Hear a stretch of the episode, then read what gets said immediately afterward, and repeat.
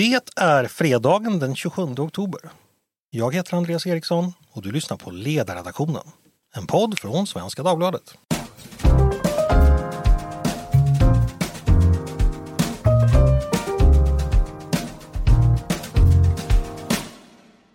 Jag har kommit på mig själv att närmast omedvetet leka en lek när jag åker till jobbet. Den går ut på att allt som händer under resan är viktigt. Om bussen är sen så är det viktigt. Om den är tidig så är det också viktigt. Om det är trängsel i rulltrappan är det viktigt. Och om jag av någon anledning måste stanna eller behöver raska på så är det också viktigt. Leken är som sagt närmast omedveten och har därför en ganska diffus förutsättning. Men det handlar om att någonting stort håller på att hända som jag antingen kan missa eller vara med om. Det stora tror jag är något potentiellt mycket dåligt. Jag tror det handlar om en tunnelbaneolycka där mitt liv kommer avgöras i en sliding door moments. Minns ni den filmen?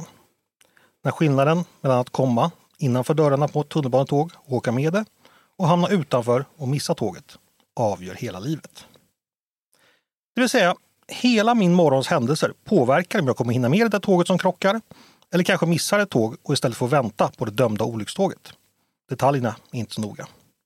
Det viktiga är att allt spelar en roll. Busschauffören som tvekar att köra ut ur rondellen och tappar lite tid. Det kan vara min skyddsängel. Likaså kvinnan som tränger sig före mig i slussen och hindrar mig. Det här kan och bör förstås, förstås och avfärdas som ett exempel på punktvis störning hos en västerlänning utan fast och reglerat trosystem, vilse i sin existentiella tillvaro som försöker få sitt grå vardagsliv att bli en smula mer spännande. Men det är inte för att redogöra för mina morgonfantasier på 445 som jag berättar här, utan för att komma fram till en liknelse. Vi har också insett att den här leken kan drivas egentligen hur långt som helst. För allt som sker kan ju räknas in.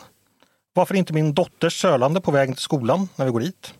Är det hon som är min skyddsängel och får mig att dröja lite extra? Eller något som hände hemma, att jag inte hittade passerkortet till jobbet exempelvis. Eller varför bara nöja sig med morgonen? Saker långt tidigare kan jag ha avgjort leken och därmed hela mitt liv. Kanske den där tweeten jag tittade på precis när jag skulle lägga ifrån mig telefonen för att somna. Men så fick min puls att gå upp och därmed fördröjde insomnandet så länge att jag snosade en extra gång på morgonen. Så där kan man ju hålla på. För till slut så kommer man ju hamna i eh, en fundering om varför man ens existerar. Hade jag gjort det om inte min pappa hade gått på den där efterfesten i studentkorridoren på 60-talet och träffat mamma? Ni ser vart jag vill komma. Leken blir snabbt oöverskådlig och meningslös om man inte begränsar den. Och nu kommer vi till liknelsen. Inom politiken laborerar ju vi, både vi som kommenterar den och politikerna själva, ofta med samband som anses kausala. Att en sak leder till en annan. Det här används ofta när man ska fördela skuld och ansvar. Om våra politiska motståndare inte hade gjort X så hade inte Y hänt. Katten på råttan, råttan på repet.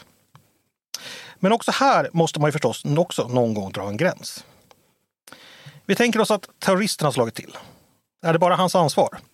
Eller finns det ansvar hos våldspredikanten som radikaliserade terroristen? Eller hos politikern vars reglering gav våldspredikanten asyl i Sverige? Eller hos ägaren till den sociala medieplattformen där våldspredikanten en gång själv radikaliserades? Eller hos politikern som inte reglerade plattformen som radikaliserade våldspredikanten som i sin tur radikaliserade terroristen? Eller, eller, eller. Katten på råttan, råttan på reket. Saken avgörs helt enkelt. Var drar man gränsen för kausaliteten? Och gränsen, den kan dras var som helst. I praktiken brukar vi då nöja oss med några steg av ansvar. Ett eller två. Men redan efter två steg är ansvaret så spritt och så omtvistat att ingen längre har det. Eller så har alla det. Eller så bestämmer sig vardera lägret helt enkelt för att den andra sidan har allt ansvar. Och det är ju ganska lätt att motivera. För om ansvaret är allas och ingens varför inte, då själva, varför inte då själv välja att man inte har något ansvar och välja att alla andra har allt? Så där kan man hålla på. Och kanske har vi blivit lite för bra för på att skyffla omkring ansvar. Kanske har vi som spelar det politiska spelet dödat vårt eget spel eftersom vi kan det allt för väl. Det hela har blivit lite som brottning. Ni vet den där sporten som fått skaffa sig obegripliga regler eftersom ingen längre kan vinna. Det går inte längre att avgöra en match med en flygande mara eller en fallseger som det var tänkt. Brottarna blir för duktiga. Också här har spelarna dödat spelet. Därför får vi i brottningen nöja oss med passivitetsvarningar, mystiska parterrlägen och kanske någon gång på slutet en halv rullning som resulterar i att matchen avgörs med ett enda poäng. Ungefär som det brukar gå i valen numera. Det avgörs på slutet med ett enda mandat. Men för att fortsätta sportmetaforerna och sluta den här vardagsbetraktelsen i dur ska jag berätta en annan historia. Under flera decennier i början av 1900-talet blev basebollen i USA väldigt speciell. Inga homeruns, knappt några runs alls. Spelet som var tänkt att avgöras med mäktiga slag och snabba löpningar blev stelare, mer strategiskt. De poäng som trots allt togs kom oftast efter att spelare hade stulit baser. Många i publiken klagade under den här perioden, som efteråt skulle bli känd som the dead ball era, över att spelet innehöll så få poäng och därmed mindre spänning. Ungefär som många just nu klagar över att politiken innehåller allt för få poänger. Men så plötsligt runt 1920 hände någonting med basebollen. Från en säsong till en annan. Ökade poängen med hela 40 procent. Och the dead ball era var plötsligt över. Ingen vet varför. Orsaken är omtvistad. Ändringar i reglerna, eller hur bollen tillverkades, eller att arenornas storlek förändrades. Det är vanliga förklaringar. Samt kanske också att nya spelare som exempelvis Babe Ruth dök upp och helt enkelt spelade på ett annat sätt. Kanske är det något liknande vi väntar på i denna era av deadball politics. Vad vet jag? Men medan vi väntar kommer i alla fall jag fortsätta förgylla mina arbetsresor med att ibland fantisera om att varje detalj i vardagslivet kan vara helt avgörande för framtiden. Och kanske, kanske kan jag också avgöra, överföra den tanken till politiken. Kanske är varje detalj i den politiska vardagen också viktigt. Kanske är det just så att just den här podden kommer få stor betydelse för eftervärlden. Kanske kommer det faktum att jag just nu pratar och du just nu lyssnar genom en oförsedd kedja av kausala händelser en gång bli det som avgör hela vår gemensamma framtid. Vi får väl vänta och se. Några som också väntar på att jag ska äntligen prata färdigt, det är mina kollegor på Svenska Dagbladets ledarredaktion. Idag representerade av Peter Wennblad, Paula Röttorp och Mattias Svensson. Varmt välkomna! Hej! Tack, tack! Paula, är du ett stort baseballfan? Nej, det kan jag inte påstå. Brottning? Jag gjorde judo väldigt många år så att, eh, det är väl i och för sig brottning fast i en eh, dräkt. Judo betyder väl den mjuka vägen? Eller något Absolut. Mm. Vilket bälte kom du fram till? Brunt. Brunt. Och är det, det före svart då, eller? Ja. Vad hette din Mr Miyagi då? Hasse Näslund. Hasse Näslund. Vi hälsar till Hasse. Eh, hur lever livet annars med dig? Alldeles utmärkt tack. Mm, det låter bra. Gå vidare till Peter, our man in Klintehamn. Hur mår du? jo, det är bra. På Gotland har vi det väldigt bra när vi, det här, du pratade om ansvarsfördelning eller och, och, och samband. Det är alltid fastlands, fastlänningarnas fel eller? Nej, utan det, här är, det är alltid regionen. okay. Regi, det här måste regionen göra någonting åt. Det är alltid där ansvaret hamnar förr eller senare. Så är det. Du, nu pajar du lite länken i mitt skämt här, för jag sa ju Arman Klintehamn och jag tänkte fortsätta med att säga, vet du vad man har på pommes fritesen på Gotland istället för ketchup?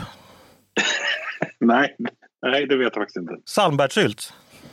Nej, det har vi inte. Det stämmer inte. I've seen them do it man. They're fucking drowning in that shit. Nej, men allvarligt, det gör de inte. Eh, mår du bra Peter? Jag mår bra. Fredagsgroggen på kylning? Ja. Perfekt. Mattias, skönt att se dig hemma från Umeå.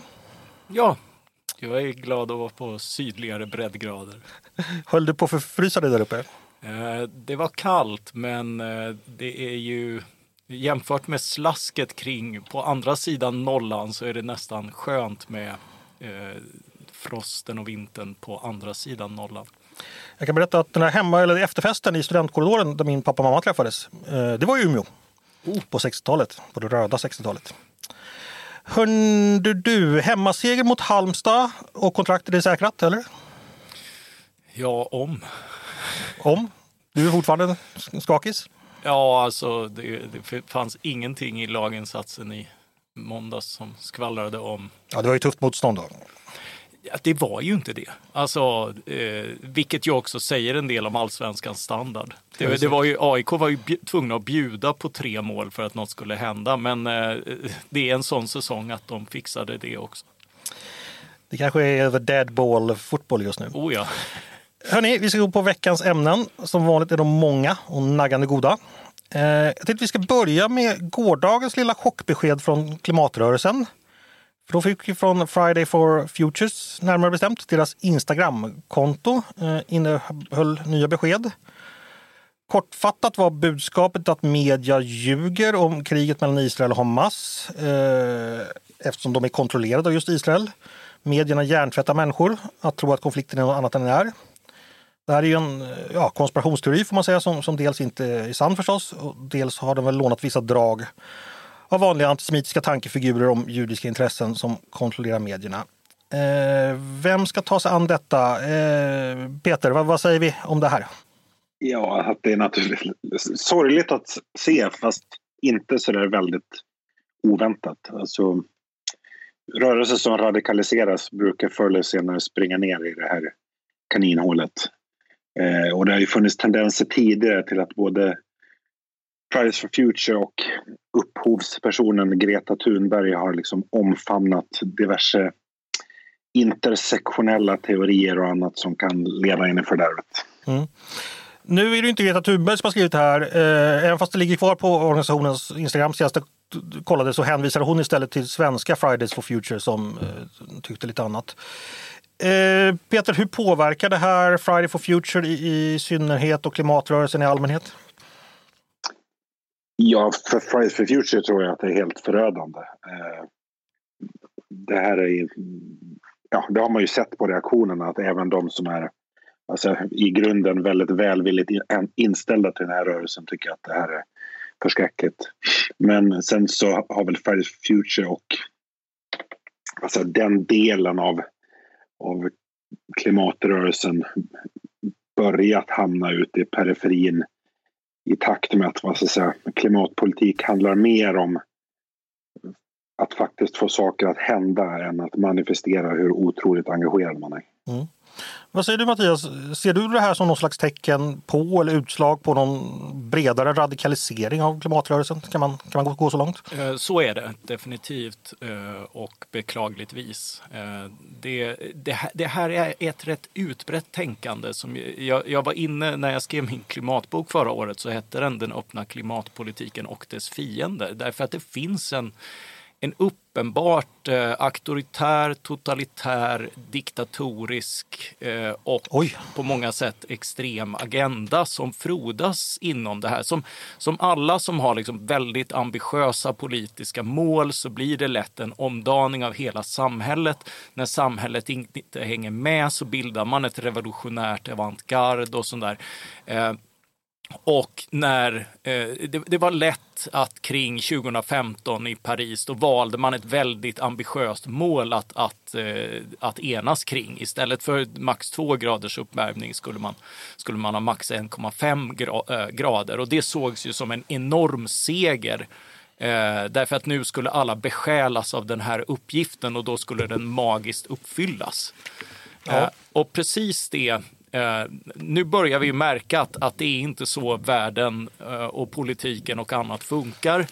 Uh, och då börjar liksom den här, från liksom de, de vackra enhörningsdrömmarna så börjar man bli besviken och bitter och söker förklaringar. Och då ger man sig på media?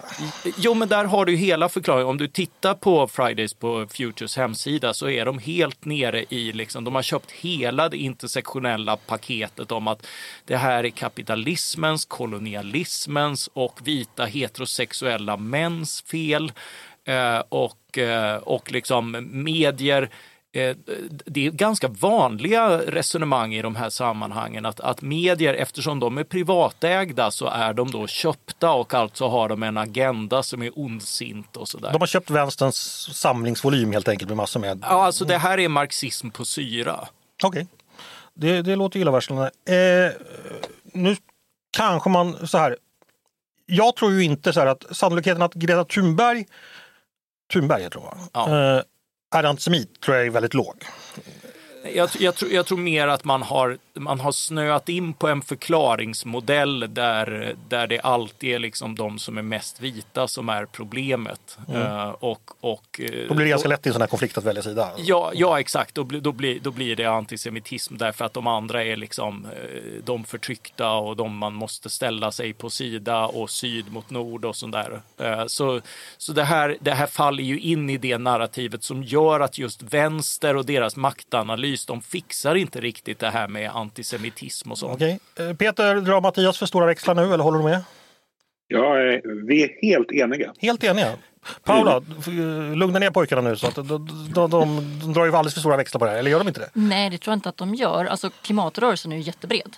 Så att, eh, naturligtvis är det inte hela eh, klimatrörelsen som radikaliseras. Det vore kraftigt överdrivet, men det hör jag inte heller att någon hävdar här. Nej. Eh, utan eh, jag tror att det finns i alla politiska rörelser, när människor är väldigt engagerade, framförallt när de upplever någonting som ett existentiellt hot och sen inte tycker att resten av samhället tar det på allvar. Då Det är frustrerande. Det är frustrerande, väldigt naturligt frustrerande. Men det föder också ett misstroende mot samhället. Och då är det väldigt lätt att gå på konspirationsteorier och andra så att säga, förklaringar eftersom du har tappat den här grundtilliten. Jag tror det finns en annan... Ja, Peter? Ja, alltså, vi är ju så gamla så att vi har ju varit med ett tag. Alltså man, det, här, det här är ju ett återkommande mönster. Alltså vi såg det ju också till exempel när, när vi hade vänstervågen kring millennieskiftet och attackrörelsen och antiglobaliseringsrörelsen. Alltså när man har en revolutionär agenda och verkligheten inte anpassar sig efter den, då, då blir det till slut någon form av, av sammandrabbning. Liksom. Om inte revolutionen sker i världen så blir det revolution i huvudet på något sätt. Jag, Ja. alltså jag tror en annan sak som kan spela roll här, om vi ska då eh, vidga perspektivet. Jag tror att många som har gått omkring och retat sig på Thunberg och klimatrörelsen igår såg sin chans att sticka kniven i ett offer som, som har la sig på slaktbänken. Det bör väl också ha spelat in, tänker jag. Ja, alltså det här blir så uppenbart att det är klart att eh, det är ju det är mumma för folk som tycker om att förneka klimatproblemen och liknande eller bara har stört sig på Greta för att hon har eh, syns och, och framgångsrikt byggt en rörelse och fått resa runt i världen. Mm. Den svenska avundsjukan. Eh, Ja, ja, ja, ja, och inte bara svenska, alltså avundsjuka finns, eh, finns generellt. Eh, men, men det, är klart att, det är klart att det finns sådana också. Men, men i det här fallet så är det ju legitim kritik och, och även om Greta inte har varit liksom riktigt på den här eh, totalt skogstokiga eh, konspirationsteorin så har hon ju varit väldigt relativiserande av eh, av Hamas och tag, tagit liksom eh, Palestina-sidan. Och rent sociologiskt så antar jag att sådana här rörelser drar till sig en viss sorts individer mer än andra kan man tänka sig också. Så, som då, ja, Ja, och framförallt i ledning och uttolkare och sådär. Jag tror ju att det är väldigt få av dem som har engagerat sig för ett, eh, ett, ett, ett bättre klimat och att vi gör någonting åt eh, den globala uppvärmningen eh, som köper den här agendan. Men de mest engagerade tenderar liksom att bli en, en sån här ja, men liten eh, sekt avantgarde eh, som, som hamnar mer och mer ur fas med, med de andra. Eh, och det tycker jag man ser väldigt tydligt. Det har länge varit liksom, eh, när man tittar på stora demonstrationer i Italien och Tyskland och sådär så är det mer krossa kapitalismen än gör något för klimatet. Peter, är det här slutet för Greta Thunberg eller kommer vi snart få se en ställa allt till rätta intervju som eh, spolar tillbaka tiden? Vad tror du? Alltså, jag upplevde nog att det var lite slut för Greta Thunbergs tid i rampljuset redan innan eh, det här hände. Ja, nu kommer hon nästan tillbaka lite. Ja. Det kanske inte så man ska se det här, att komma tillbaka i, i rampljuset. Greta är ju tidigare chefredaktör på DN. Eh, det här är alltså den andra av deras tidigare chefredaktörer som varit i blåsväder på sistone. Hans Bergström har ju kritiserats för att uh, han skickar pengar. Eh, Peter, vad säger det om vår konkurrent att deras tidigare chefredaktörer hamnar i så märkliga sammanhang? Ja, jag, jag väljer att inte kommentera det. Har inte DN ändå haft, eh, våra kära konkurrenter, haft ändå lite oflyt med sitt klimatengagemang? För att först skickar de ju ner läsarna med tåg till Italien i februari 2020 när, när covid exploderar. Sen gör man Greta till chefredaktör och, och så sker det här. Alltså det, det verkar lite, ja det har gått troll i det på något sätt. Förstår ni vad jag menar? Ja, det, tur kan man ju inte anklaga dem för Nej. att ha. Peter? Det hade, ju, det hade ju varit spännande om Greta hade fått komma tillbaka för en dag och leda arbetet med Mellanöstern. rapporte, rapportera från Mellanöstern. Ja, men varför inte? Det är väl spännande att se hur, hur det skulle bli annorlunda när, när liksom, hon, hon kommer. Eh, ja. Skulle man märka någon skillnad? Förlåt. Ja, om jag får vara lite allvarlig. Jag, jag kände så här att man kan ha goda skäl att kritisera FFF FFF, den, den, vad, vad, vad, får ni för associationer till den bokstavskombinationen förresten? Forum för fårskallar ja, förstås, som naturligtvis. medläsare. Ja, Mattias har återigen samma, samma. Det var alltså insändarspalter i Svenska Mad på 80-talet hette Forum för fårskallar. Eh, en sak bara, jag fick ju också en känsla av igår, det som Mattias säger att alla som kritiserade Greta Thunberg och FFF igår hade kanske inte kampen mot antisemitismen och rasismen i, som första hans prioritet, känner jag lite. Det kan man kanske komma ihåg också samtidigt. Ha, finns det något mer att säga här? Peter, du öppnade ämnet. Vill du sluta med någonting eller är du nöjd? Jag är nöjd. Du är nöjd? Då får vi se var FFF tar vägen och ifall det blir någon ställa allt till rätta intervju för DNs före detta chefredaktör. Då går vi vidare. Eh, Paula, då tänkte jag att du skulle få ta lead på nästa ämne. Känns det okej? Okay? Absolut. Det är på vad det är förresten. Men... Det är baseball. Nej, det är så här att regeringen har tillsatt en utredning som ska titta på hur återvandringen eh, ska, kan öka bland personer som levt i Sverige under en längre tid. Och den presenterades igår. Och då gäller det att, som det heter, en översyn av incitamentstrukturen för frivillig återvandring så att eh, återigen citat, återvandringen kraftigt kan stimuleras och öka. Eh, det här är ju kanske... Det, vad betyder det här? är det första man frågar sig. Eh, Paula, hur, hur, tolkar du? Vad är det man är ute efter här? Nej, men Sverigedemokraterna har ju tyckt att vi måste ha en nettoutvandring mm. och ett återvändande. Alltså det ska man komma ihåg att det vi pratar om nu, vilket du också sa, är ju frivillig återvandring av personer som har uppehållsrätt i Sverige. Så det handlar inte om att vi är dåliga på att utvisa personer och liknande utan det här är helt och hållet på frivillig basis. Och vi har haft ett stöd för de som vill återvandra som inte är svenska medborgare sedan 80-talets början. Så det är egentligen ingen ny och jättekontroversiell grej. Däremot så har ju Sverigedemokraterna valt att säga att det här är en stor möjlighet och eh, har en helt annan politisk agenda att driva. Och eh, nu ska man då se över det stöd som man ger för återvandring, vilket är väldigt, väldigt lågt idag. Alltså det är 40 000 kronor för en familj plus reskostnader. Det är mm. liksom och de här 40 000 det är någon sorts startplatta man ska ha när man återvänder? Ja, för att kanske skaffa sig en bostad eller eh, ja, jobb och annat. Klara mm. den första perioden. Eh, men det som, så det, det, är inte så många som nappar på det kan man väl säga? Nej, man kan säga i snittet är väl fyra personer per år ja. eh, de senaste tio åren. Så att, eh, nej, och eftersom invandringen är högre än fyra personer så, så är det ingen nettoeffekt. Nettoeffekten Procentuellt går det att sälja in en ökning här. Procentuellt lär väl öka.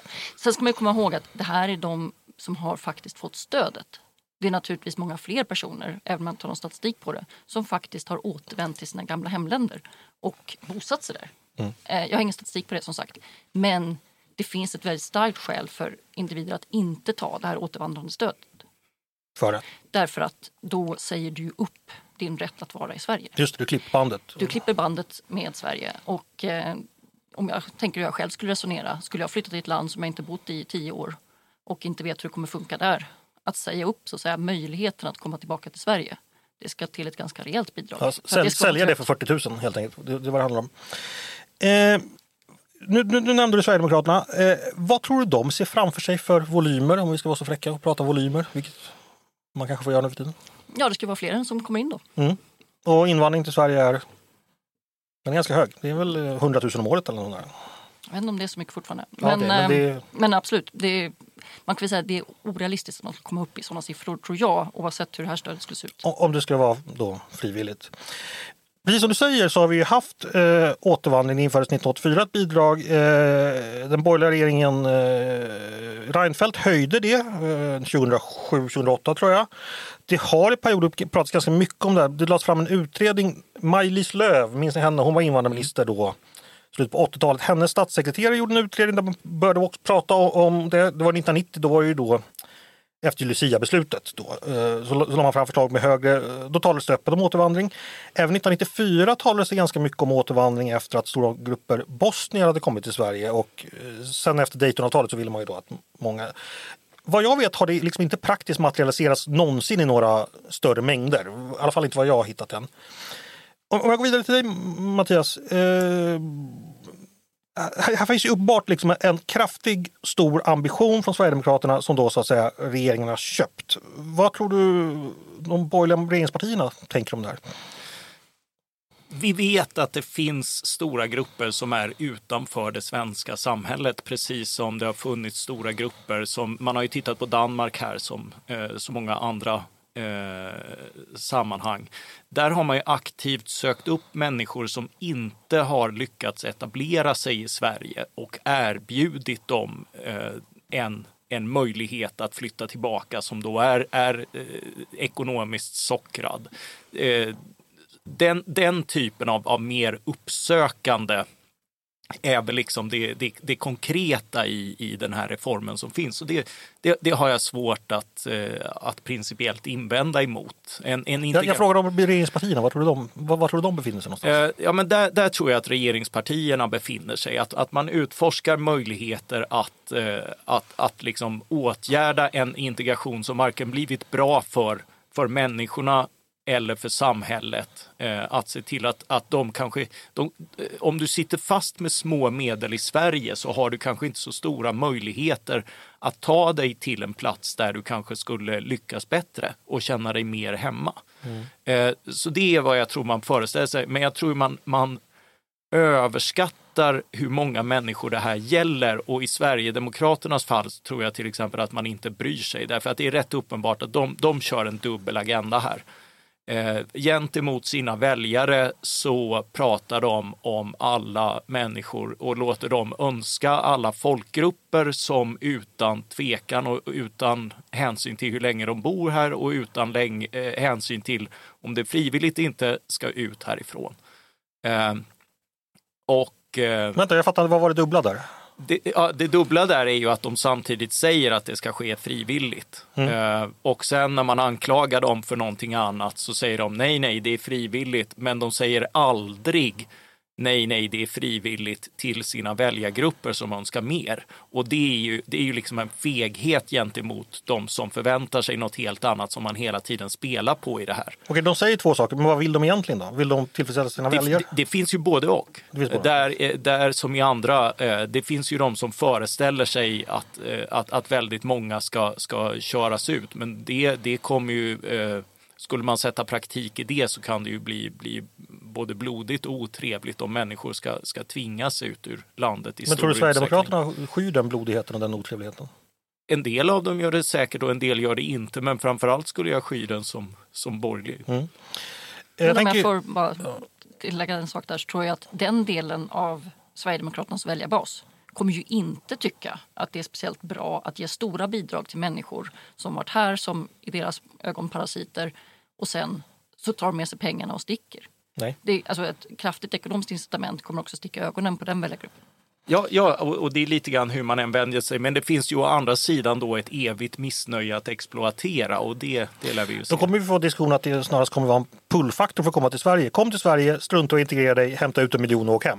Alltså. Ja, ja, du får ändå sitta här i tio år så det är svårt. Liksom. Men, ja, men, du förstår alltså ja, hur, hur argumentet Jo, jag gå. förstår. Och, och, det, finns ju, det finns ju definitivt risken med, med stora utbetalningar att det, att det manar till fusk. Och sen är det ju som Paula säger också att en konstruktion skulle kunna vara att du får behålla den här livlinan men att det i så fall kostar att, att återvända. Liksom. Eh, pengarna du fått så får du liksom, då blir det en skuld. Eh, eller någonting sånt. Eh, därför att då har du ju en då har du ett återvändande med, med både tillit och broms. Det här ska alltså utredas nu så vi vet inte var det kommer landa. Om vi släpper in Peter, eh, tänker du att regeringen bör ha några eh, röda linjer här i, inför kommande, för jag antar att det någon gång kommer förhandlas med samarbetspartierna och ifall det ska fortsätta det här? Ja, alltså det tycker jag nog är lite tidigt att dra röda linjer nu, men jag tänkte komplettera det eh, Mattias, alltså var befinner sig borg, de borgerliga partierna? Eller regeringspartierna i det här. Jag tror ju faktiskt att de befinner sig mer på det här spåret nu än för en månad sedan. Alltså det, konflikten i Mellanöstern har ju vad säger, visat upp att det inte bara finns ett liksom stort socialt och ekonomiskt utanförskap i Sverige utan också kanske ett mycket större värderingsmässigt utanförskap än vad många har föreställt sig tidigare. Det, tror jag har varit ett uppvaknande för, för många. Ja, det, det gör inte motiven mindre att, att eh, försöka få människor att återvända dit de värderingsmässigt känner sig mer hemma. Men det är återigen så här att eh, av lite omsorg för att fler människor omkring dig ska tycka som du så bör du kanske åka hem till den auktoritära land du kommer ifrån. Det, det, blir ju lite så. Eh, så ja. kan man ju låtsas att det är att vara omsorg. När det... För Peter, det, du säger nu, det skulle jag ju säga är ju, blir ju ganska tveksamt om man då eh, Eh, för, för det är en sak liksom att inte ta sig in i ett samhälle, men att vara en fungerande medborgare i Sverige men ha extrema åsikter och därmed bli utslängd för att du råkar vara född i ett annat land. Ja, jag vet inte riktigt hur, hur det låter. Ja, men jag, jag, tror, jag tror att det börjar sprida sig en allt starkare känsla i, i borgerligheten att alltså, när det blir en så, ett, ett utanförskap som är så pass komplext och har flera dimensioner att man börjar alltså rent krasst ge upp möjligheterna till en eh, fungerande integration. Intressant. Vad tror ni andra? Eh, går tankarna så här hos ledande borgerliga politiker? Paula, Mattias, vad säger ni? Ja, jag, jag, tror definitivt att tankarna finns och, eh, och, och har väl viss... Eh, visst, det, det, det, verkar ju vara en enkel lösning men, men det blir ju också svårt om du tittar på de enheter, för det är ju då familjer. Uh, om du har vuxna människor som kommer hit som har bott här i fem år så, uh, av, av ett vuxet liv, du kommer i 20, 30, 40 års åldern, då är det inte så stor andel. Men om du har barn mm. och de har bott här i, i, fem av sina sju år, då är de rotade på ett helt annat sätt. Och de kommer få med sig mycket värderingar hemifrån. Andra generationens invandrare inte, är, är, på många sätt liksom mer problematiska. Men men det är ju också så att det, att det blir mycket svårare att, att, att återvända, att, att, att säga liksom att ja, men eh, de, de hör hemma i det här samhället de, de knappt minns. Liksom. Det, eh, det är svårt att känna det, det är svårt att leva det, det, det blir väldigt svårt att praktisera det. Paula? Jag tror säkert att eh, både bland borgerliga politiker och bland allmänheten så har den här liksom frågan väckts om mm. finns det en värderingsgemenskap, går det att få stora grupper att faktiskt ställa upp på demokratiska värderingar och så vidare. Men jag hoppas att eh, det inte får för stort genomslag och att det är ganska mycket reaktion på en internationell konflikt och att den syns i det svenska samhället just nu. Ja, är, Peter har ju varit inne på det ett par gånger. Det finns, ju, det finns ju känslor som man kan förstå men som man också borde förstå att det är dåligt att, att göra politik av. Mm. Nu vet jag inte, hur, hur länge skulle den här utredningen sitta? Nu, hade du koll Till nästa sommar. Ja, det är ganska snabbt. Mm, augusti tror jag. Augusti, och det innebär att vi har, har börjat ta fram skarpa förslag efter det. Jag tror ju så här att återvandring eh, Tidö 2.0, ifall eh, borgerligheten tänker fortsätta att arbeta med, med Sverigedemokraterna så kommer återvandringsfrågan aktiveras extremt mycket. Och då skulle... Ja, det är väl i princip det som finns kvar för vi har ju inte så mycket asylinvandring längre. Nej, och då skulle jag säga så här att eh, Tidö 2.0 eh, blir antingen omöjligt, det är min bedömning ifall liksom borgerligheten ska fortsätta vara borgerlighet, eller någonting som måste eh, förhandlas med Socialdemokraterna också. Det är min tro. Vad tror ni? Ja, det är ingen dum gissning. Det, det, är ju, man bäddade ju för det här genom att i Tidöavtalet ge Sverigedemokraterna precis allting de pekade på i, i de här frågorna. Så det blir ju lite grann en fråga för dem också. Vad, vad ska vi gå till val på? Liksom? Mm. Vi har fått allt. Peter, jag känner mig ganska kymig när vi pratar om det här. Jag blir orolig för vad, vilka politiska krafter som sätts igång. Det finns ju inga skarpa förslag att oroa sig för men jag tycker ändå att man går åt en riktning som gör mig störd intellektuellt och känslomässigt. Känner du något liknande eller är du iskall som vanligt? nej, men du brukar ju vara liksom... Ja, nej, jag känner igen känslan. Så det har vi ju pratat lite grann om även när det gäller Tidöavtalet i stort, Tidösamarbetet i stort. Alltså att, att läsa Tidöavtalet ger ju en olustig känsla.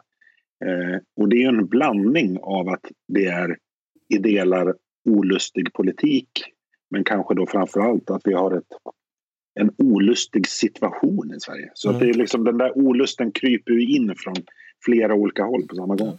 Alltså jag tycker ju Tidöavtalet är bra i stora på områden, liksom, exempelvis brottsbekämpning så tror jag det är liksom det, det som behöver göras. Och det, det är jag glad på att det kommer men, men det här tycker inte jag känns bra. Och så tänker man exempelvis på Sverigedemokrater som Tobias Andersson, minns ni honom i valrörelsen? Eh, välkommen till återvandringståget, du innehar en enkelbiljett, nästa stopp Kabul, eh, twittrar twittrar ut. Och det är ju ändå Ja, det är ju det människor här... som bor mitt ibland oss som, mm. som är måltavla för det här. Mm. Liksom. Ja, den här, eh, det var även hej då Hassan när, när det var några utvisningar nu. Alltså den, mm. eh, den, den här liksom sadistiska glädjen i att skicka iväg folk från Sverige är definitivt en, en politisk kommunikation som inte hör hemma i ett civiliserat samhälle. Paula, du ska få sluta den här säcken. Du som är, har tittat på det och dessutom är jurist. Finns det någonting annat som vi har liksom missat i de utredningsdirektiv som ligger eller hur man resonerat innan som du tycker är viktigt att ha med sig? Nej, alltså, frågan om ett äh, återvandringsstöd äh, är väl inte speciellt kontroversiell om man tittar på den rent krast. Mm. Men som du säger, det är ju frågan om vad innebär det här i praktiken och framförallt hur kommer man kommunicera det här? Om det är ett ständigt tryck mot vissa familjer att de borde lämna Sverige. Om vi nu tänker oss att det är den typen av liksom informationskampanjer man förväntar sig. Det är ja, klart att den kommer att bidra till ett sämre samhälle. Ja, att man liksom får besök varje månad. Har ni mm. funderat lite mer på det här nu? Er, och så kanske så här, nästa gång kanske erbjudandet inte är lika trevligt. Ja, ja, jo, men alltså om, om Eh, om det är volymdelen och inte, eh, som, som ska styra och inte liksom utformningen av ett rättfärdigt system, då blir det ju problem, precis som i alla sådana här Alltså, det, det, du måste ju förstås få diskutera volymer, absolut, men att göra det styrande, det blir precis som de här klimatmålen som Peter har varit inne på. Det får väldigt lätt absurda konsekvenser om, du ska, mm. om, om det ska styra politiken. Ja, och en sista sak. Som jag sa så har ju man varit inne på det här politiskt flera, flera gånger tidigare men det har aldrig blivit något riktigt av det. Och det är väl kanske orsaken till det är väl liksom att man har insett att det finns i genomförandet så stora problem så att mm man har aldrig liksom tryckt igenom, man har sagt så här, ja, men 40 000 som du säger, liksom, det kan man göra, ingen nappar på det och sen så har man inte gått vidare. Nu verkar vi ju ha en regering, eller framförallt parti, stödparti till regeringen som har ambitionen att gå mycket, mycket långt. Men, men titta på Danmark, för, för jag tror inte att man gör något, något väldigt otillbörligt där, men däremot just det här uppsökande. Det, det, det kan, det, det är en fin det är en fin gräns mm. Eh, och det behöver ske med, med största välvilja om alla parter för att liksom en, en stat ska ha någon form av trovärdighet. Men, men gör man det så, så finns det ju väldigt mycket misslyckad integration att ta tag i. Och ser man det som en del i det, vilket den borgerliga regeringen måste göra, då, då behöver man ju in här. Hörni, vi ska gå vidare. Eh, tänkte jag hoppa tillbaka till Peter faktiskt. Eh, för du ska få prata källkritik igen. Hur låter det? ja, det, det går bra. Du har hittat ytterligare några som slarvat med den. Eh, förra veckan var det Magdalena Andersson. Eh, vad heter delinkventen denna vecka? Ja, han, han var nog uppe till diskussion lite grann redan förra veckan nämligen Vänsterpartiets Ali Esbati. Ja, för vi, vi, vi är kvar vid Al-Ali-sjukhuset i, i Gaza misstänker jag. ja, precis. Jag, jag, är fortfarande kvar i ja. förra veckans nyheter. Det är som den här, eh, vad, vad, är det de här hundarna som inte släpper? Terrier? Eller? Eh, nej men det var ju så att efter det så, så eh, Hamas eh, propagandacentral, också känt som Gazas sjukvårdsministerium, eh, skickade ju ut då omedelbart vad, eh, Eh, vad som hade hänt. Eh, sen var det visade sig att det inte var så. Eh, däremot då Ali Esbati, han eh, var snabbt på, på det här. Berätta, vad gjorde han Peter? Ja, I korthet så vidareförmedlade han ju de här uppgifterna om att det var ett israeliskt flyganfall, hundratals döda. Och det var han i och för sig inte ensam om, men det som skilde ut honom från andra var att han när det framkom uppgifter om att, som pekade i andra riktningar så hävdade han ju att alla indikationer på någon annan förklaring var bara cynisk israelisk propaganda. Men det, är väl, det, det vet vi från FFF att uh, han hade väl bara lyssnat. Nej, förlåt, jag, jag avbröt. Vad gjorde du då Peter? Ja, nej, men så att, när, jag, när jag undrar någonting då, då eh, ger jag mig inte förrän jag har fått svar. Så att jag försökte helt enkelt ställa frågan till honom i takt med att det kom fram nya uppgifter. Mm. Så är det här fortfarande din uppfattning att det inte finns mm. några som helst indikationer på andra förklaringar? Det var väl populärt kan jag tänka mig? Eh, nej, inte särskilt. Jag, jag, precis som många andra, blev blockad av honom på eh, sociala medier och då fick jag istället vända mig till Men, Vänta, vänta. Alltså Esbati blockade frågor från den fria pressen? Ja. Budapest rycker närmare kan vi konstatera. Jag fortsätter. ja, så då fick jag vända mig till Vänsterpartiets presstjänst istället. Och efter eh, tre påstötningar och fem dygn så fick jag till slut beskedet att Ali inte hade några ytterligare kommentarer. Nej. Det låter som att man inte hade mer att säga då kanske? Nej, och då får man, ju, får man väl anta då att det betyder att han fortfarande står fast vid de här eh, uppfattningarna. Eh, och det tycker jag är ganska uppseendeväckande i sig. Så därför skrev jag ju en text idag och ställde istället Eftersom jag inte fick svar på mina frågor så ställde jag dem istället till partiledaren Nooshi Dadgostar och undrade hur hon ser på det. För du skrev ett brev idag på, på ledarsidan. Jag ville ju att du skulle börja så här. Eh, tänkte faktiskt att jag skulle skicka dig ett brev eftersom vi aldrig talas, eftersom vi aldrig ses. Eh, men då fick jag svar att Peter Wemblad kommer aldrig att citera Thåström i hela sitt liv. Stämmer bra. Det kommer inte hända. Nej. Över min döda kropp. Eh, och Nooshi svarade, Dadgostar svarade då förstås direkt, eller? Jag har inte sett något svar än så länge. Vi Mm. får väl se eh, hur det går. Pressavdelningen jobbar. Du säger att det här var, var, var spektakulärt, men så jäkla oväntat var det kanske inte? Eh, Spati... Spektakulärt vet jag inte, men jag tycker ändå att det är liksom... Ja, men, och Ali Esbati är inte ensam om det. Att jag, alltså jag förväntar mig att liksom ledande politiker som gör utspel av någon slag, det behöver inte vara på en debattsida utan det kan också vara i deras egna sociala medier, faktiskt gör sig tillgängliga att svara på motiverade följdfrågor.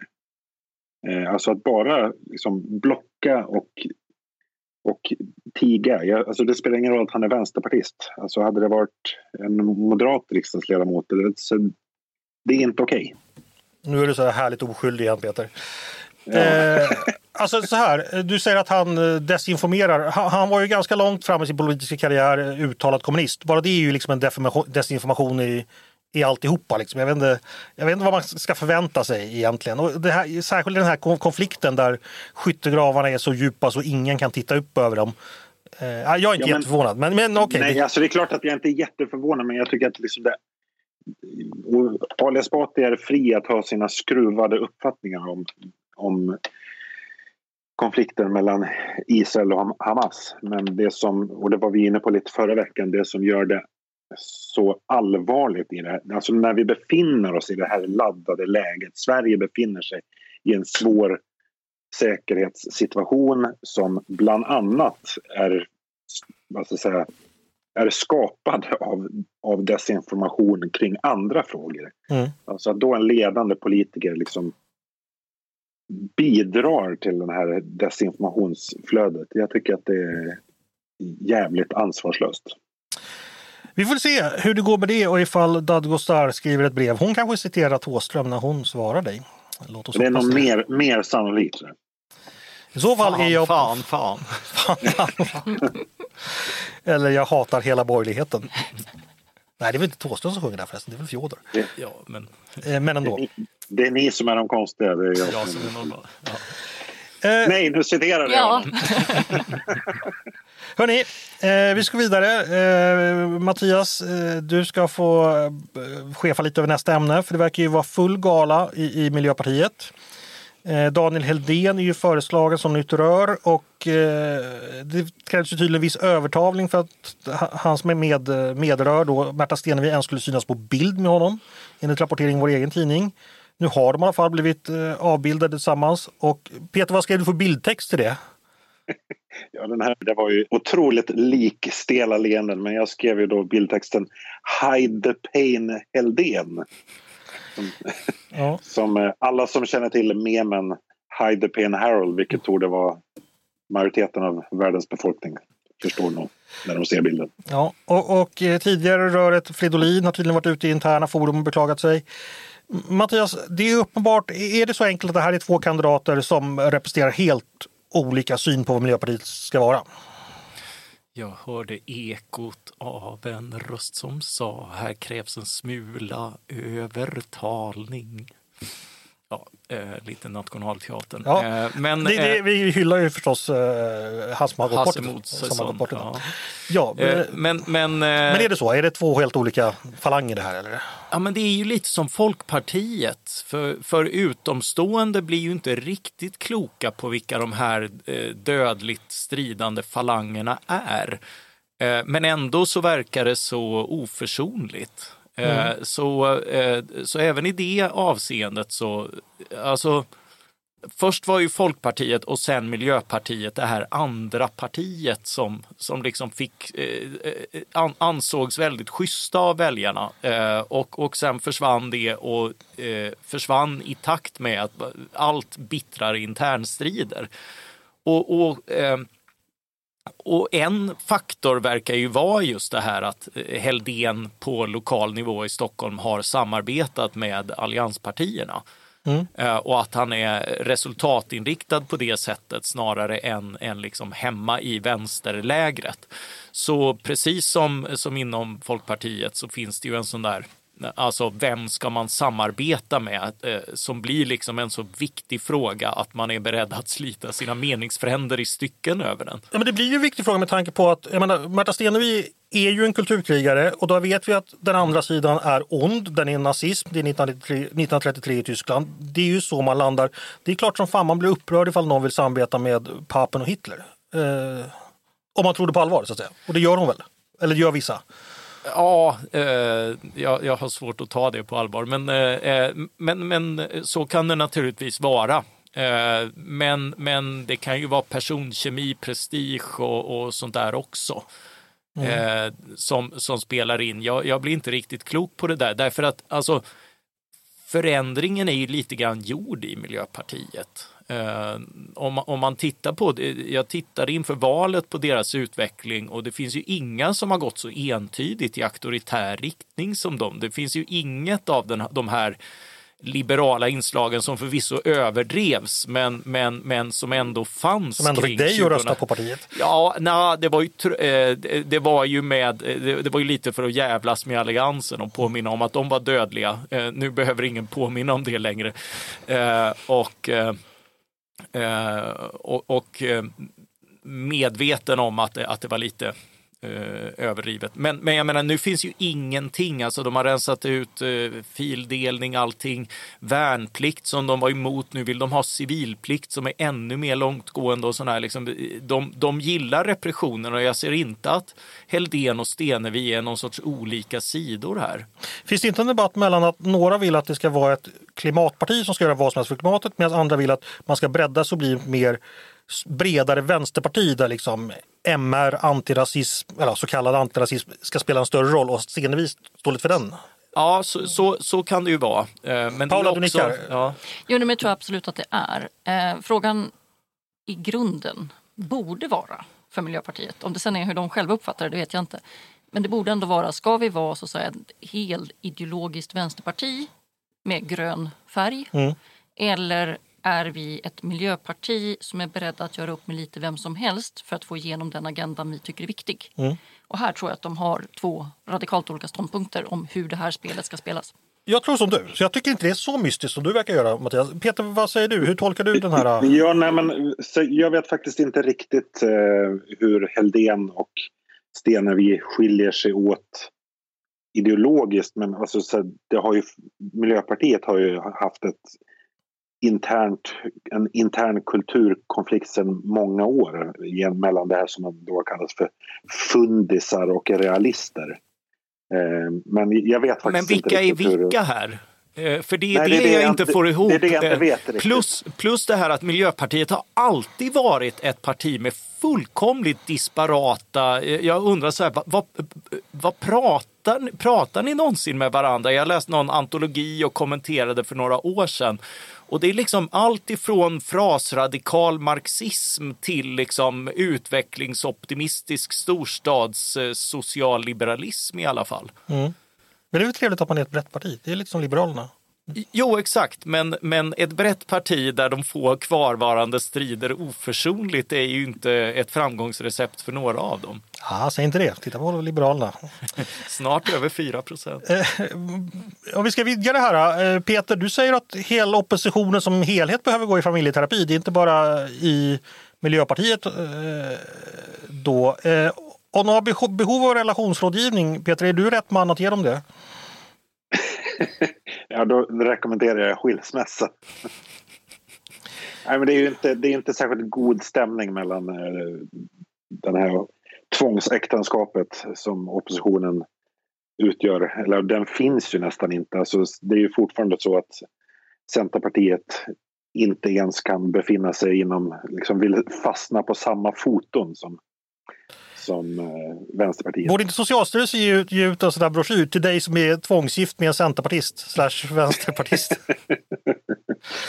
Någonting sånt. Hörni, eh, nu ska jag bara tala för mig själv. Jag, det kan jag eftersom jag misstänker att jag har avverkat personligen fler terapitimmar i mitt liv än vad resten av redaktionen avverkat sömn. Eh, men men eh, man kan tänka sig så här Peter att om man ändå hamnar i samma båt så kommer man trivas ihop för att det finns ingen annan väg. Eller? Det kräver alkohol. Ja, ja absolut. Men alltså, det här är ju framförallt ett, ett dilemma för Centerpartiet som har intagit den här då omöjliga positionen att vilja ha en annan regering än den nuvarande men ändå inte ha med ett av partierna att göra. Mm. Eh, och den, den föreställningen kommer ju Centerpartiet antingen att få överge under stora våndor eller så kommer de ju fortsätta ökenvandringen in i evigheten. Det låter som hårda ord. Eh, evig, evig ökenvandring, inte ens 40 år utan det ska vara evig. Eh, Paula, har du några tankar om oppositionens eh, kommande eh, familjeråd? Så jag tror att det är lätt från vårt perspektiv att överdriva hur illa de har det. Mm. Eh, om man tittar på senaste opinionsundersökningen tror jag att de mår betydligt bättre än regeringspartierna gör. Det, Peter, där fick du. Vadå att Centerpartiet skulle må bättre? Nej, jag menar oppositionen som helhet. Den helhet som ja, är sprucken i delar. Ja, men precis. Det finns ju ingen helhet. Ja, ja jag tror att alltså, den eh, kärnan i oppositionen, det vill säga Socialdemokraterna, Miljöpartiet och Vänsterpartiet mår nog bättre än de borgerliga partierna. Men Centerpartiet är jag rätt övertygad om att de mår sämst av alla, eller borde åtminstone göra. Ja, eh, fast det där kan jag dementera för, för liksom, trots att de kanske inte borde det, särskilt inte sett i opinionsläget, så mår ju Moderaterna väldigt bra. Mm. Eh, jag var ju uppe på stämman där och det var påfallande hur, hur nöjda de var och, och Ulf eh, han knappt började prata innan han pratade varmt om Harpsund. Och, eh, de, de har ju fullt upp med att göra saker. Eh, och, eh, och tänker inte det så mycket på... Politiker gör ibland faktiskt saker. Ja, ja och, eh, och, och, och, och, tycker, ja, är, är besjälade av den uppgiften och, eh, och, och glada över det. Och sossarna för all, då, Moderaterna vet ju allt om att ligga högt Eh, flera år före ett val mm. i opinionen och de hade bytt det mot, mot taskiga opinionssiffror och statsministerposten varje dag i veckan. Ja. De är ju bittra som sjutton det, för det. det. Är klart, alltså, så är det förstås. Du, vi ska snabbt gå vidare till något som regeringen faktiskt gör. Eh, för du ska berömma regeringen lite här, eller ska du få göra Mattias? Eh, för du har faktiskt skrivit berömmande om vad regeringen gör i, i välfärdspolitiken just nu. Mm. Vad är det som är så bra där? Eh, jo, men det pågår ju faktiskt ett, lite av ett systemskifte inom välfärdsområdet. Man man, man, eh, man lägger om på, eh, på nya sätt hur, hur eh, några av välfärdsstatens fundament faktiskt. Eh, och det är två faktorer som, eh, som driver det här och det är ju då dels eh, invandring, integration och dels kriminalitet. Mm. Vi har välfärdsbedrägerier som ju nödvändiggör en helt annan noggrannhet kring hur man betalar ut eh, bidrag och hur man screenar och, och, och, och, vad som händer. Därför att det här är en stor intäktskälla för gängen. Eh, och det kommer förslag på förslag från eh, regeringen och nu eh, senast under eh, under Moderaternas stämma så kallade man till presskonferens med tre moderatministrar då att, att hela myndighetssverige eh, ska ställas om så att man, eh, man som regel delar uppgifter som har med utbetalningar och åtgärder mot fusk att, att göra. Eh, så, så, så välfärdsmyndigheter involveras på ett helt annat sätt i, i kampen mot den organiserade brottsligheten via kontrollen över, över bedrägerier.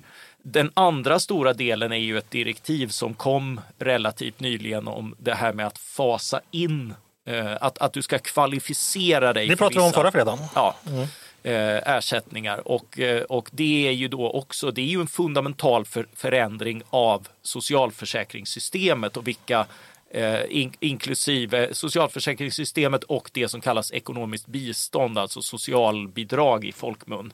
Eh, att, att, att det inte nödvändigtvis ska tillfalla dig för att du i princip har bott här i ett år utan att det ska kräva mer. Eh, och, och, båda de eh, förändringarna är ju, är ju viktiga, välkomna, stora. Det är tyst från oppositionen som annars, du, ja, du, du kan ju knappt eh, nämna någonting om en, om en orkester i, eller, eh, Norrköping. i Norrköping utan att liksom välfärden och kulturen rasar. Liksom sådär. men, men här är det tyst, vilket är talande därför, därför att jag tror att att, att, att många är, om, om inte annat tyst tacksamma mot att regeringen faktiskt baxar det här. Mm. Hurra för regeringen faktiskt. Mm, ja. Eh, ibland är vi lite elaka mot dem, men här gjorde ni bra. Ja, det, det gäller ju att det landar rätt det här, därför att det finns ju, alltså det, det, finns två olika motiv här och det ena är ju att, att vara restriktiv med skattemedel och det andra är att vara restriktiv mot, mot att människor kommer hit och, och bosätter sig och kan leva här. Eh, för borgerligheten i stort är det väl mer det förstnämnda och för Sverigedemokraterna mer det sistnämnda. Eh, och det är återigen, precis som i de andra frågorna med återvandring och annat, viktigt att balansen blir rätt så att det ändå i slutändan handlar om att hjälpa folk och få in människor i samhället, inte få ut dem ur landet i första hand. Paula sitter och nickar av belåtenhet här. Eh, fantastiskt. Hörni, eh, det är dags för att gå vidare till mitt favoritmoment. Det heter Svar direkt då jag kommer stresstesta mina kollegors politiska reflexer och deras förmåga att blixtsnabbt skilja det goda från det onda och det sanna från det falska. Det vill säga inte göra som Ali Esbati utan tvärtom. Det går helt enkelt till så att jag, likt en frisimspurt från Anders Holmers som bäddar för en växling över till Tommy Werner som... Nej men vad är det här? Ja, KSS. Spurtar ut på fjärilssträckan, spurtar på mina kollegor. Nej, men några nyligen lagda förslag eller presenterade idéer som de omedelbart eh, ska ta ställning till, det vill säga genom att svara ja eller nej, vara för eller emot. Och fort ska det gå, helt enkelt svar direkt. Är ni redo? Mm. Ja. Tänk ja. att du med simningen blev ute på så djupt vatten. Ja, det, det, jag måste byta tema här. Hörrni, eh, den planerade utbyggnaden av en likströmskabel från Sverige till Tyskland, Hansa Power Bridge, bör stoppas. Det kräver Socialdemokraterna. Detta för att, som man säger, Sveriges elförsörjning behöver säkras innan exporten av el till andra länder kan öka. Och det här meddelade man på en pressträff i veckan. Eh, vad tänker ni om detta? Bör vi vänta med att bygga ut den här typen av infrastruktur och exportera mer el? Eh, ja, bör vi vänta med det här helt enkelt? Ja eller nej? Jag vill ha svar direkt. Ja. Nej. Jag är mycket skeptisk till att vänta. Men jag kan okay, för lite om detaljerna. Peter kan mycket. Varför ska vi vänta? Du håller med sossarna alltså? Ja, eller, som jag har förstått det så är ju det här projektet redan pausat av den nuvarande regeringen. Det är bara det att de inte har avbrutit det. Nej, här, här, eh, stoppas men, säger de helt enkelt. Ja, okej. Okay. Nej, jag tycker inte att det, här, att det ska skrinläggas. Det är en dålig idé. Mm. Okej, okay, men du förstår poängen att vänta med det här? Ja, alltså, jo, jag förstår poängen av vänta med, med tanke på liksom hur vi smittas av, eller förra vintern och framförallt smittades så mycket av kontinentens höga elpriser. Frihandelsvännen Mattias Svensson vill skeppa iväg vår el till Tyskland. Varför är det bra? Eh, jo, jo, men egentligen är det ju bra, men jag förstår ju varför man eh, varför man drar ut på det därför att Tyskland har ju försatt sig i en situation som de drar in oss andra i. Men, men i, i slutändan så är det ju klokt att, att kunna ha överföringskapacitet. Det märker vi ju själva gentemot, eh, gentemot norra Sverige där, där energi produceras. Mm. Och så kan det komma lite eh, främmande trålare som mm. åker fel ibland så att det kan vara bra att ha lite redundans i systemet. Ja, jo, alltså det finns många, eh, många eh, anledningar att, att, att ha större förbindelser även om, även om det in, definitivt inte känns akut inför vintern att, att få ännu mer prissmitta. Okej, vi tar en till. Företag som erbjuder radioutrustning, exempelvis mobiltelefoner, ska göra det med eller utan laddningsenhet. Syftet är att användarna inte ska tvingas köpa en ny laddare vid varje mobiltelefon eller liknande eh, utrustning som man köper. Det här beslutade riksdagen i veckan, alltså att man måste sälja utan laddare. Reglerna börjar, börjar, börjar gälla den 28 december i år. Vad tycker ni om detta? Är det ett bra beslut? Ja eller nej? Nej. Jag begrep det inte faktiskt. Alla som säljer en mobiltelefon måste ja. erbjuda den ut, med eller utan. Man ska inte tvingas att köpa en ny laddare vid varje ny telefon. Gör man det? det, det, det här, riksdagen har beslutat detta. Uh, Okej, okay. Peter, vill du svara? Ja, Mattias verkar inte ha förstått frågan. Ja, ja, men uh, nej, det känns onödigt att lagstifta om det här. Peter? Ja, jag säger också nej. Sen uh, låter det som att det skulle vara någonting som kommer från EU. Men... Hur kunde du gissa det? Jag tänkte säga att det bygger på ett EU-direktiv. Nej, det var ja. inga klockrena svar direkt den här veckan. Eh, jag ger mig själv lite bakläxa på det. Jag tyckte det var ett så roligt förslag. Paula, vad tycker du om det här? Det, det... Jag svarade nej. Ja. Eh, jag var väl den som gav ett svar faktiskt. Nej, men alltså, jag antar att det här är någonting om att eh, du ska vara fri att välja dina tillbehör och inte göra så, så, paketaffärer hela tiden gentemot konsumenten. Exakt. Men man litar inte på marknaden? Nej, man litar inte på marknaden och jag tror att det här är ett område där man kan lita på marknaden. Så är det säkert. Eh, hörni, vi, vi lämnar denna misslyckade eh, svar direkt. Eh, till och med intro till det var misslyckat. Men jag, jag lovar bättre mig till nästa gång. Hörni, eh, ja, då är det dags att gå vidare till mitt favoritmoment. Eh, och det är det vi kallar Är du smartare än en ledarskribent? Ni känner vid det här laget till momentet, men för nytillkomna lyssnare ska jag kort förklara vad det går ut på. Eh, det handlar om en frågesport helt enkelt. Och vi ska börja med en rättelse. Igen. Ja, igen. Eh, den lyder så här. Eh, det var Bluebird av Hall, det var Bluebird en brigg som med sviktade stumpar stod på.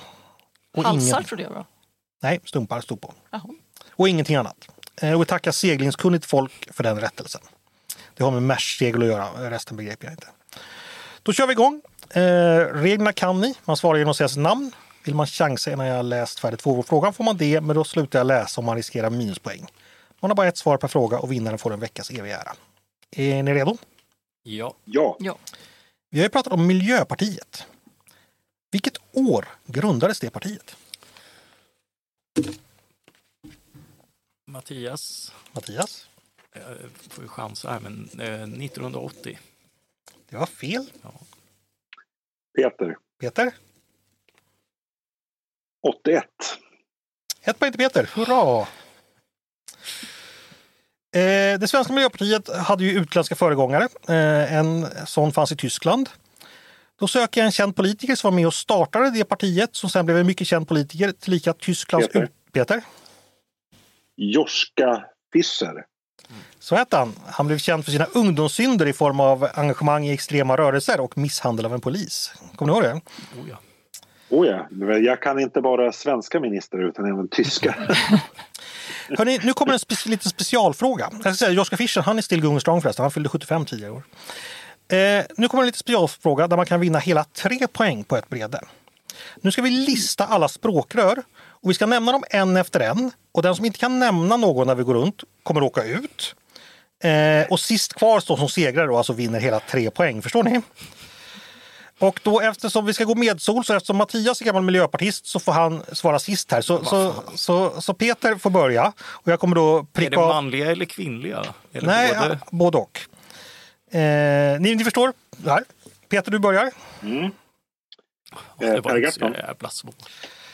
Jag, se. Eh, jag måste bara klicka, klicka, klicka av dem. Ja, Per Gahrton är nämnd. Vad säger Paula? Birger Schlaug. Birger Schlaug. Mattias? Men vänta, då är det manliga alltså? Nej, det är Nej man får nämna vilken. Det är bara de har råkat välja manliga. Det är... Jaha, jaha, alltså vi ska äh, nämna vilka språkrör som helst? Ja, ja. ja Ragnhild Pohanka. Det var den första faktiskt. Det är stilpoäng. Den ska du spara till sist Mattias. Ja, jo, jo. Peter, din tur. Eh, Eva Goes. Eva Goes, snyggt. Paula? Maria Wetterstrand. Åsa Domeij. Vad sa du?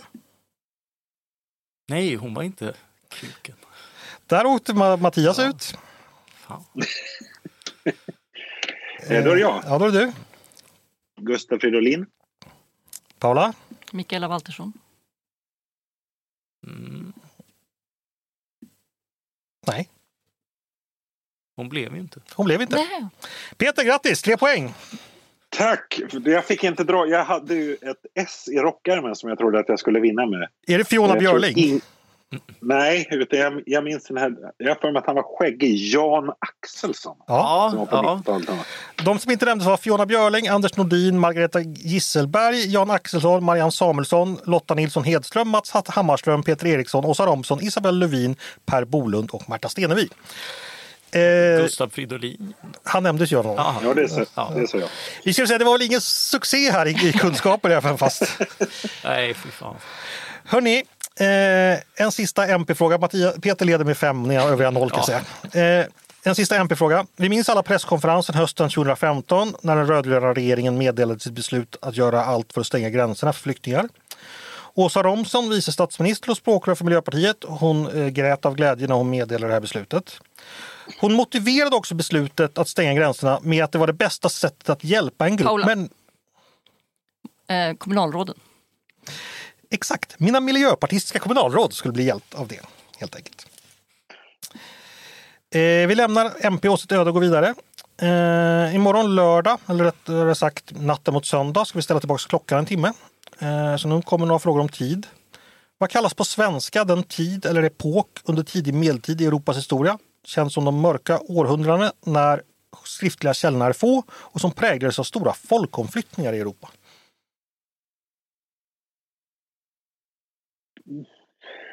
Paula, Paula? folkvandringstiden. Visst är det så? Fan. Tid, tid, tid. Tid för hämnd är den svenska titeln på en James Bond-film från 1989. Vem spelade agent 007 i den? Peter. Peter?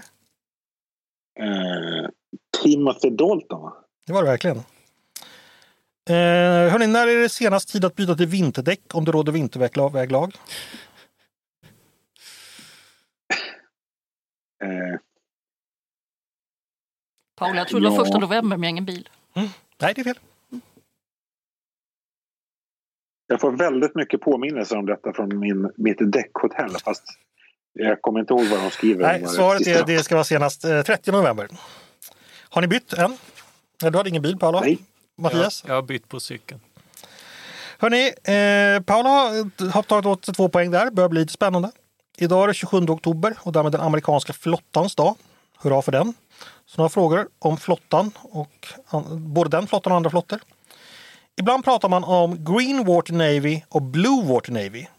Vad är det för skillnad mellan dem? Vad menar man då? Green Water Navy och Blue Water Navy. Mattias. Mattias? Eh, det är ren chansning, men eh, borde det inte handla om vilka som är eh, över liksom världshaven? Det är helt rätt. En Blue Water Navy anses kunna operera på, havet, på världshaven utanför sina landbaser medan en Green Water Navy måste vara nära kusten. Helt enkelt. Snyggt Mattias! Du gjorde lumpen i flottan va? Ja. det, var, det var den jag vägrade ifrån, så nej. Hörrni, den svenska flottan har sju korvetter, varav fem av den mest moderna sorten. Vad heter den, döpt efter det första fartyget i serien? Eh, Nu förstår jag inte riktigt frågan. Alltså, är det en serie som Ja, heter... en serie svenska korvetter som omfattar sju skepp som är döpt efter det första skeppet i serien. Första fartyget i serien. Peter, Peter? det här är ju ren chansning. Är det inte de som heter typ Karlskrona? Nej, det är ett helt annat fartyg. Ja, det hade jag gissat i så fall. Det, det finns då det finns Göteborgskorvetter som byggda på 80-talet, så finns det de nya Visbykorvetterna. Ja, det borde jag ha sagt, Peter. Ja, det var ju lite genant. Mer flottor, eller flott. Vad kallas det flott eller fettlager som sitter under huden på valar och som fungerar isolerande? Paula, Mattias. Paula var först. späck. Visst är det så? Valar, då tänker jag på val och då tänker jag på valurnan i Sveriges riksdag som används vid slutna omröstningar. Den har fyra färger, men vilka är de två mest framträdande? Ni har sett det i samband med talmansomröstningar, då brukar den komma fram. Ja. Jag tror ni kan se den, ni har definitivt sett den på tv ifall ni har följt. Men det kan, kommer ni inte ihåg? Jag har inte fastnat. Nej. Den är väldigt ful, kommer jag ihåg. Ja, riksdagens konst är ju lite sådär. Den Mm. är blågrön. Den är inspirerad av en karta. Även lite beige och rött finns, men den är främst Ja, blågrön. så är det. Vi fortsätter med färger. Då ska vi prata politiska färger. I Tyskland utgår man från partifärgerna när man pratar om Jamaica Coalition. Vilka partier ingår i den? Mattias. Mattias. Eh, Mattias först. Ja, Nej, men det är ju eh, det liberala eh, FDP och eh, Miljöpartiet. Nej, eh, Jamaica-koalitionen är med Kristdemokraterna eh, och fan, nu tappar jag och sossarna. Nej, har Nej, fel. Ja, fan. Eh, nu får ni andra svara istället. Peter, du ville svara? Eh, ja, det är ju CDU, de gröna och FDP. Så är det precis. Det är alltså svart, gult och grönt som är Majkas flagga. Hörrni, på några ställen i Tyskland regerar eh, CDU, Socialdemokraterna och de gröna ihop. Vad används då för beteckning för den kombinationen? Enligt samma tanke som ovan då. Vad kallar man i tysk politik en sån koalition? Vad sa du? CDU, Socialdemokraterna och... De gröna. Alltså svart, rött och grönt.